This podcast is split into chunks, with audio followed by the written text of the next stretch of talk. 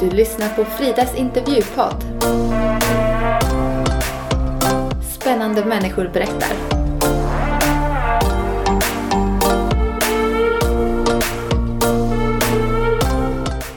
I detta avsnitt så ska ni få lyssna till Betsy. Hon är född i Iran och har bott i Sverige i 11 år.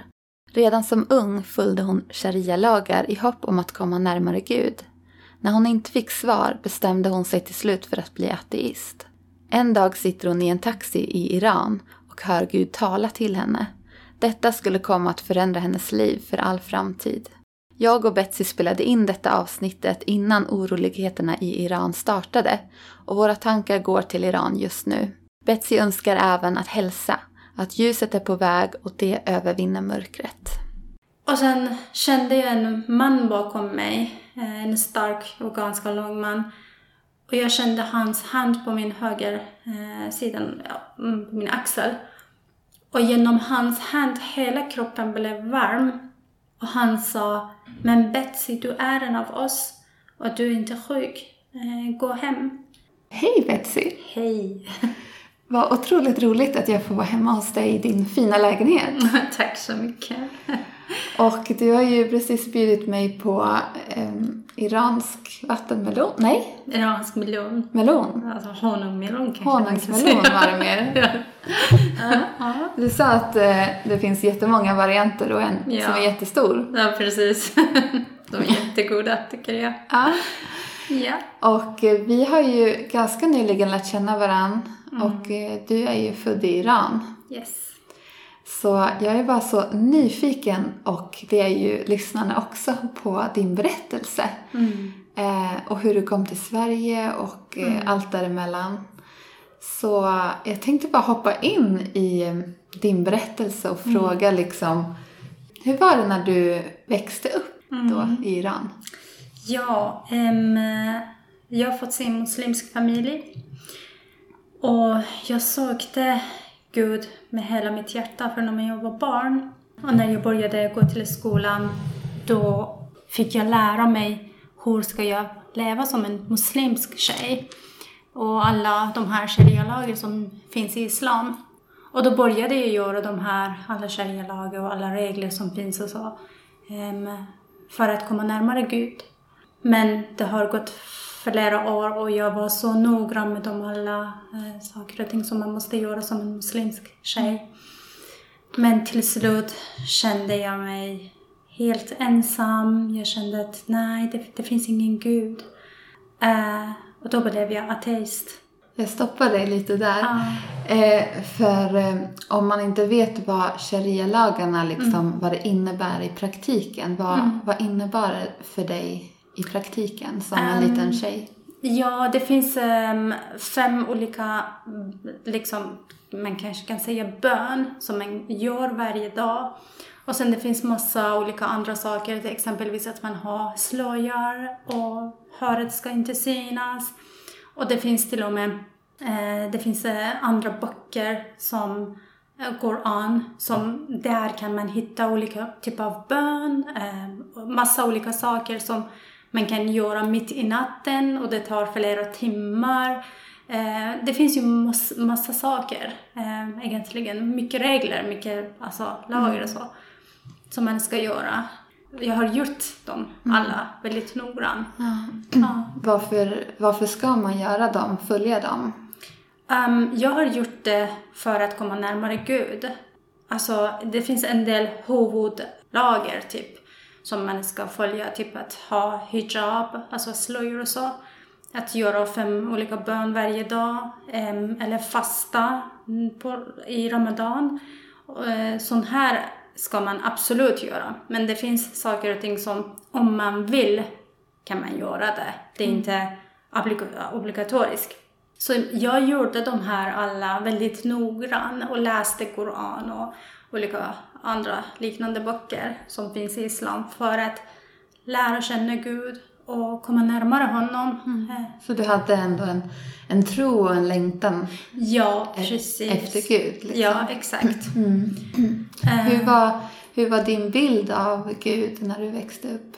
Ja, att han är väldigt hård Gud och väldigt noggrann. Ehm, och han kommer inte förlåta någon synd. Utan, alltså jag kände mig alltid orolig och jag hade rädsla att oj, om jag gör någon synd, kommer han förlåta mig eller inte? Hamnar jag på helvete eller vad, vad kommer att hända?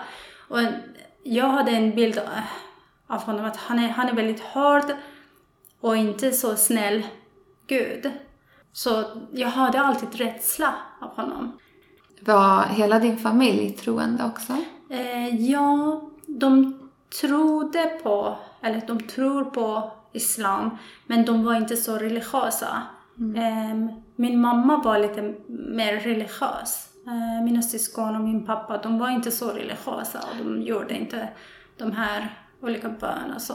Mm. Eh, men de trodde på Allah och ja, mm. islam. Det, mm. det trodde de. Ja. Och du hade en stor längtan, men sen sa du att du, att du blev ateist. Ja, precis. Mm. Till slut blev jag ateist för att jag kände att hur mycket gör jag de här sharia-lagar och hur mycket är jag noggrann med de här och eh, vill komma närmare Gud. Um, det spelar ingen roll. Det, alltså det finns ingen Gud som svarar på mina bön. Eh, ju mer gjorde jag de här sharia-lagar, ju mer kände jag att jag hamnar i mörkhet, kändes. Eh, och till slut jag bara, men det här är bara en lögn. Det finns ingen Gud. Så då, då blev jag ateist. Och jag var ateist ungefär ett år, kanske, något sånt. Men jag hade fortfarande längtan mm. eh, efter att lära känna Gud och ha Gud i mitt liv. Mm. Det hade jag. Eh, och jag var besviken och ledsen över det. Att nej, det finns ingen Gud. Mm. Och där och då kom Jesus och mötte mig. Um, vi kommer snart till ditt möte då med, ja. med Jesus. Men hur är det att leva liksom i Iran? Ja, men dels som religiös då, eller som ateist? Är det någon skillnad liksom? Um, ja, alltså de accepterar inte att man ska, alltså fo även folk accepterar inte att man ska vara ateist. Um, det är inte så vanligt. Nästan alla är muslimer och att tro på något annat det är ju konstigt för dem. Men jag har aldrig sagt till någon att jag tror inte på Gud. Utan jag bara släppte islam och jag mm. bara, nej, det finns ingen Gud. Men jag berättade inte för någon. Mm. Och sen kom Jesus. Hur är det att tro på Jesus i Iran? Det, det är svårt. Alltså, man tror på någonting som man får inte berätta för någon eller prata om det. Man måste hålla sig tyst. Annars ja, blir det farligt. Mm. Ja, och, det, och när man tror på någon sån här levande Gud och man vill ju berätta för alla, man vill ju prata om sin tro, man, man vill ju berätta när, när han gör något mirakel eh, i livet och så. Och då får man inte. Mm. Um, och det, det är tufft. Det, det är verkligen tufft att man kan inte gå till någon kyrka. Att man kan inte ha sällskap med andra eh, kristna. Och det blir verkligen tufft. Man känner sig verkligen isolerad, ensam. Och jag är väldigt tacksam att jag får vara med andra kristna i kyrka och be till honom och alltså be tillsammans med alla andra. Mm. Eh, och träffa andra som vi har gemensamt tro. Alltså någonting att ja, dela med varandra. Mm. Eh, och när det är tuffa situationer då får man ja, förbön och det, det är väldigt härligt. Men det får man inte ha i Iran eh, när man konverterar till mm. kristendom. Mm. Och det är svårt att hänga med andra kristna för att eh, så fort kommer man i, i den här gruppen som till exempel armeniska folk som tror från början, alltså de, de är kristna från början och det är inte farligt för dem att tro på Jesus. Så fort kommer man i deras alltså, eh, grupp och så blir de oroliga. De vill inte ta emot folk som mig. Mm. För att de, de tror, är det, vad heter det, eh, spioner? Mm, spioner. Ja. Um, så man får ingen sällskap med andra, tyvärr. Mm, mm. Ja, det är väldigt ensamt. Ja, precis. Men eh, kände du dig ensam eh, när du var ateist då?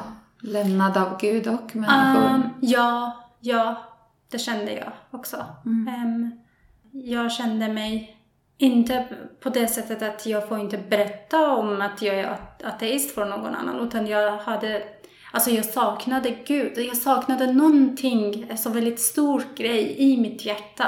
Mm. Och det var det som gjorde mig liksom att känna mig ensam. Det var lite annorlunda att, att, att känna mig ensam när, när jag var i som en kristen. Mm. Lite på annat sätt. Mm. Ja. Och hur, hur fortsätter din resa då från att ha vuxit upp som muslim eh, till att ja, vara ateist och eh, vad hände sen? Eh, en dag eh, var jag i en taxi. Det var bara jag och förare. Och sen jag var på väg hem. Då körde han förbi en kyrka. Men jag visste inte att den här byggnaden är en kyrka. Och då plötsligt hörde jag en väldigt snäll och manlig eh, en röst från kyrkan, alltså från byggnaden, in i mina öron och sen den satt i mitt hjärta på ett väldigt speciellt sätt. Och rösten eh, sa Betsy, kom hit. Och då tittade jag på byggnaden och jag var väldigt liksom, förvirrad. Vad är det som händer? Vad, vad var det för röst? Och så, så jag blev jättenyfiken och frågade förare eh, vad är för byggnaden? Och han berättade för mig lite om ja, kristna och det här kyrka och det ja, för kristna och han berättade lite grann om dem. Och sen blev jag nyfiken så jag ville ta reda på vad var det för rösten som jag hörde. Så jag gick in i kyrkan um, och så fort jag kom in i kyrksalen, det var helt annat atmosfär. Jag kände mig att jag hamnade i paradisen. Alltså det var så lugn och härligt känsla jag fick. Kände mig så här alltså relax. Jag, jag kunde släppa alla mina problem och liksom tänka, alltså det var helt annat. Och då började jag eh, gå till kyrkan bara för att slappna av och få lite lugn och ro där. Och efter ett tag träffade jag, det var en kyrka för armeniska folk, och efter ett tag träffade jag en kille. Han gav mig en bibel på persiska, eh, vilket är förbjudet att ha i Iran. Eh, så jag tog den med mig hem och började läsa. Och så fort jag läste kanske fem eller sex sidor, något, något sånt, jag läste inte så mycket. Då kände jag, men wow, vilken härlig Gud som älskar mig oavsett vad jag gör. Eh, och förlåter mig om jag gör synd. Det är helt annat. Eller annan Gud än vi har i Islam. Men jag trodde att jag kan inte vara eh, kristen för att jag fått sin muslimsk familj och då är jag muslim. Men jag fortsatte att gå till kyrkan och fortsatte läsa Bibeln. Um, och sen... Hur gammal var du ungefär vid den Jag var tiden? ungefär kanske 19 år gammal, något sånt. Uh. Och sen det var ett tag som jag hade mycket ont i min mage. Och till slut, um, min läkare tyckte att ah, vi, vi gör en ultraljud. Uh, det, det gjorde vi och min läkare hittade en jättestor cysta i min livmodern Och han sa det här är jättefarligt ehm, och vi måste operera den så fort som möjligt.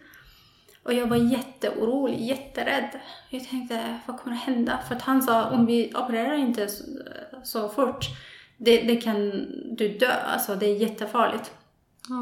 Eh, så jag var jätteorolig och, och då tänkte jag, men jag går till kyrkan för att um, slappna av lite uh, och var, uh, bli lite lugn. Mm. Då gick jag in i kyrkan uh, och sen började be till Gud. I den där kyrkan, på höger och vänster, finns eh, en bild på Maria och sen en bild på Jesus. Och jag gick fram till den bilden på Jesus och började be till eh, honom väldigt tyst. Och då jag såg en armenisk tjej så tänd, som tände en, en, eh, ett ljus och gick hon. Och sen jag bad till Jesus. Åh Jesus, jag vill verkligen vara en kristen som den där tjejen. Men jag kan inte. Och, och jag, är, jag är sjuk. Äh, hjälp mig. Och plötsligt kände jag... Och det bad du tyst i ditt hjärta? Ja, verkligen. Ja, mm. det gjorde jag. Mm. Tyst i mig själv liksom. Mm. Och sen kände jag en man bakom mig Eh, en stark och ganska lång man. Och jag kände hans hand på min höger eh, sidan, ja, mm, på min axel. Och genom hans hand, hela kroppen blev varm. Och han sa, men Betsy, du är en av oss och du är inte sjuk. eh, gå hem. Jag vände för att se vem är det som pratar med mig för att jag, jag bad jättetyst. Um, och hur kunde han alltså liksom höra min, mitt barn? Mm. Jag vände eh, för att se honom men det var ingen där. Och jag tänkte oj, vad, vad är det som händer nu? Är jag galen? ja, precis. Och sen vände jag tillbaka till den bilden eh, på Jesus och fortsatt eh, be. Och igen kände hans närvaro, hans hand på min axel, värme i min kropp. Och vände tillbaka snabbt för att se honom, men det fanns ingen där. Och då började jag tänka lite så här. Okej, eh, jag upplevde en sak två gånger. Ehm, och han sa att du är en av oss. Och du är inte sjuk. Gå hem. Så jag ska till läkare, göra om det här ultraljudet. Eh, och om jag inte är sjuk längre, det betyder att jag kan vara kristen. Ehm, så jag gick till min läkare och han var liksom besviken. Han bara, men det var häromdagen som vi gjorde ultraljud och vi måste operera. Varför, varför, vad gör du här? Ja, jag bara, Nej men gör om det. Ehm, och ja, han gjorde om det här ultraljudet och han var helt chockad. Han bara, det finns ingen cysta. Jag kan inte se den. Och han var helt chockad. Och jag visste vad, vad hade hänt. Ja. Men där och då visste jag inte, alltså jag har inte läst hela bibeln liksom, så jag visste inte att Jesus kunde hela. Men sen när jag läste mer då fick jag veta, åh oh, okej, Jesus helade folk. Ehm, Så Och han när jag- gjorde det med dig innan, Ja, precis. innan du visste att han ja, kan precis, det? exakt. Så när jag fick ta reda på att det finns ingen syster längre och jag behöver inte operera mig så eh, förstod jag att okej, jag kan vara kristen också. Och där och då började min vandring med Jesus. Mm. Ja. Vad häftigt. ja. Det är inte alla som liksom har känt eh, Jesus hand på sin axel. Nej. Ja. När du tänker tillbaks på det här, den tiden när du var 19 år och det här hände, vad, Mm. vad känner du då i ditt hjärta när du tänker på det? Alltså, jag, jag tycker att det var han som valde mig. Jag har inte gjort något särskilt. Alltså, jag är så tacksam att han kom och mötte mig. Ja. Jag blir nästan gråtfärdig jag- när, när jag kommer ihåg det. Mm. Ehm, och det var bara början. Alltså han, han hjälpte mig med massa saker. Han, han var med mig i alla dagar, alla stunder, eh, i alla tuffa och svåra situationer. Och han gjorde massa mirakel i mitt liv. Ehm, så ja, jag är så tacksam att jag har honom i mitt liv. Verkligen. Ja. Vill du berätta om något, något mer spännande som han har gjort i ditt liv? Och det finns jättemycket saker. Ehm, jag fick till och med se honom någon gång. Wow. Det var någon person som jag var väldigt eh, rädd av honom. Och det var här i Sverige. En kväll bad jag till Jesus att jag är trött av att vara eh, så rädd av honom. Den här killen. Eh, så hjälp mig att ehm, när han ringer mig vara, vara lugn och vara inte rädd och, och sä, säg, alltså, säga nej till honom och så. Och då, dagen efter ringde han och jag svarade väldigt lugn och jag sa till och med nej till honom och la på luren. Och plötsligt kom jag på, oj, jag kunde klara det här. Och då började jag tacka Jesus. Och jag var så glad att han svarade så snabbt på mitt bön. Och sen vände och plötsligt han var fram, framför mig. Jag, jag kände, alltså jag kunde ju se honom och det var så härligt med hans närvaro. Och han tittade i mina ögon, jag tittade i hans ögon och, han, och jag såg en mening från hans hjärta, kom ord så här runt och satt på mitt hjärta och började skina. Och meningen var, jag är med dig. Och det var väldigt, alltså, jag kan inte beskriva den här känslan och hans närvaro. Eh, och det var kanske bara 30 sekunder. Och jag gick förbi honom, alltså det var inte alls konstigt eller jag, jag blev inte alls rädd att plötsligt en man står framför mig. Det var helt, det kändes helt vanligt. Ehm, och sen jag gick förbi honom och plötsligt kom jag på att ja, Jesus är här och vände tillbaka och han var borta. Det var, det var bara typ 30 sekunder kanske. Men den här stunden kommer aldrig glömma. Nej, och det, Det var förstår jag. så speciellt. Ehm, Men eh, var det liksom, eh, du såg en man som var Jesus med dina riktiga fysiska ögon? inte som jag ser en man. Alltså Nej. det var lite... Kanske mer som en vision? Ja, precis. Att du, du vet och du känner att han Ja, är där. precis. Ja. Men du Exakt. såg allt det här? ja, exakt. Och han, han var där fysiskt. Ja. Det var han. Oj, oj, oj. Du har verkligen fått besök av Gud liksom. Ja, det är ju väldigt speciellt. Wow! Ja. Så. Vad häftigt. Mm. Och som du sa innan då att han, han kanske såg din längtan efter honom. Och Ja, sen så precis. har han liksom Ja. sökt upp dig och, Ja, exakt. ja, och lovat att vara med dig. Vad häftigt. Ja. Mm. Ja, hur påverkar det ditt liv sen efter då? Alltså före och efter liksom? Alltså nu när det, när det kommer svårigheter då kommer jag ihåg att han lovade att han är med mig. Så även det är tufft, även det känns mörkt runt omkring mig, men han är med mig och han kommer att inte lämna mig. Eh, så det blir mycket lättare för mig att gå igenom den här mörkheten. Eh, jag kommer att inte vara så orolig som förut. För att jag, jag vet att han, han lovade att han ska vara med mig. Ja, Häftigt. Och du strålar ju verkligen idag och du är så trygg i dig själv upplever jag liksom. Ja, du, ja man det känns, ja precis. Ja. Ehm, alltså jag har vänner och så som de, så fort de, det kommer något svårighet, exempelvis att de förlorar jobbet eller det händer någonting, blir de jätteledsna eller oroliga. Men för mig, okej, där och då en stund kanske är jag orolig, men när jag tänker på hur har jag eh, Alltså jag- hur jag hade Jesus med mig hela livet, alltså hittills. Då kommer han hjälpa mig vidare också. Så det, det finns ingenting att vara orolig för. Utan han vet hur kan han göra det bästa för mig. Mm. Och det är bara att man litar på honom. Um, jag kanske kan berätta det här att jag hade ett jobb som jag ville verkligen ha den. Men det var väldigt dålig arbetsmiljö och jag hade inte bra ja, kommunikation med chefen och liksom, det var inte alls bra. Det kändes inte så bra. Och då bad jag till Gud att jag vill behålla det här jobbet men till slut förlorade jag den. Jag bara, men varför förlorade jag det här jobbet? Men jag fick ju vila ett tag och då behövde jag verkligen vila. Och sen fick jag ett mycket bättre jobb. Där eh, känns det verkligen trygg och alla kollegor är jättetrevliga, chefen är jättetrevlig. Så bara att lita på honom, där och då när jag var arbetslös, då började jag bara be till, hon, till Gud och lita på honom och säga att ja, nej, men jag, jag litar på dig, du vet bättre än jag. Det, det jag ser inte, du ser. Mm. Så nu är jag jätteglad att jag fick sluta det Ja, här det. första jobbet. I efterhand Ja, så. precis. Ja. Så nu känner jag inte mig orolig att förlora något jobb eller ja, något liknande situation. Mm. Mm. Eh, Då vet jag att han, han har någonting bättre för Just mig. det. Mm.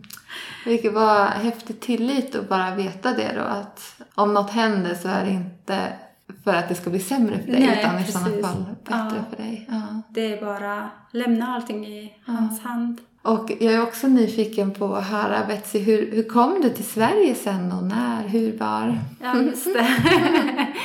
Em, jag, jag pluggade ja, fem år i Armenien och utbildade mig till arkitektur. Eh, när vi var nära att klara den här utbildningen då började vi tänka hur ska vi gå vidare? Och jag ville inte tillbaka till Iran. Eh, eh, och tänkte, eftersom Armenien är ett väldigt kallt eh, land, då tänkte jag på lite varmare land. Och, eh, och jag tänkte på antingen England eller Tyskland. Och sen mina vänner, eh, i, som vi har gått samma, i samma klassrum, eh, de ville komma till Sverige. Eh, bara för att där och då var det helt eh, gratis att plugga i Sverige. Även, det var eh, gratis även för invandrare. Och de frågade mig om jag vill vara med eh, och flytta till Sverige. Och jag bara, nej, nu räcker det med kallt land och väldigt kallt vinter och så. Nu vill jag flytta till något varmare land. Eh, men plötsligt eh, träffade jag en kille som eh, bor i Sverige. Och jag visste inte att han, han bor i Sverige. Jag trodde att han bor i Iran. och blev kär i honom. Vi började lära känna varandra och, eh, ett tag och sen eh, ja, fick jag veta att han bor i Sverige. Så jag blev kär i honom och bara på grund av det eh, flyttade jag hit. um, Då fick och, du ett kallt land. Ja, precis. Ändå. precis. Och när jag var i flygplanen, alltså jag tänkte hela tiden att hur kommer jag klara med det här eh, kylan på, ja. på vintern och så. Jag var lite orolig. Um, och sen när jag var i flygplan uh, på väg hit, uh, då kollade, när, när piloten sa att nu är vi i Sverige, och då kollade jag eh, genom fönster för att se, det var första gången som jag har varit i Sverige, så jag ville se hur den ser ut. Och så fort jag kollade igenom fönster, det, det kom en eh, kärlek liksom i mitt hjärta.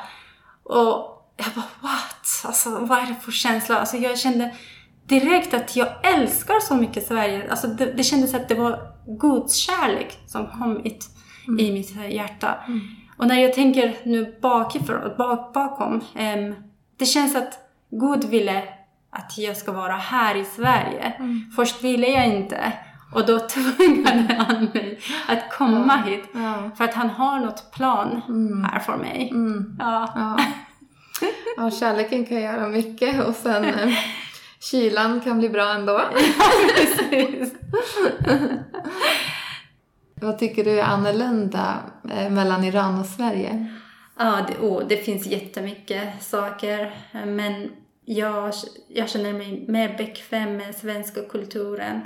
Att man accepterar, alltså har respekt för varandra och accepterar det, hur personen är. Och det, det, är ju, det känns ju jättebra för mig för att jag känner mig inte att jag är konstigt om exempelvis jag tror på Jesus eller tycker så här som alla är annorlunda än alla mm. andra som gör. Mm.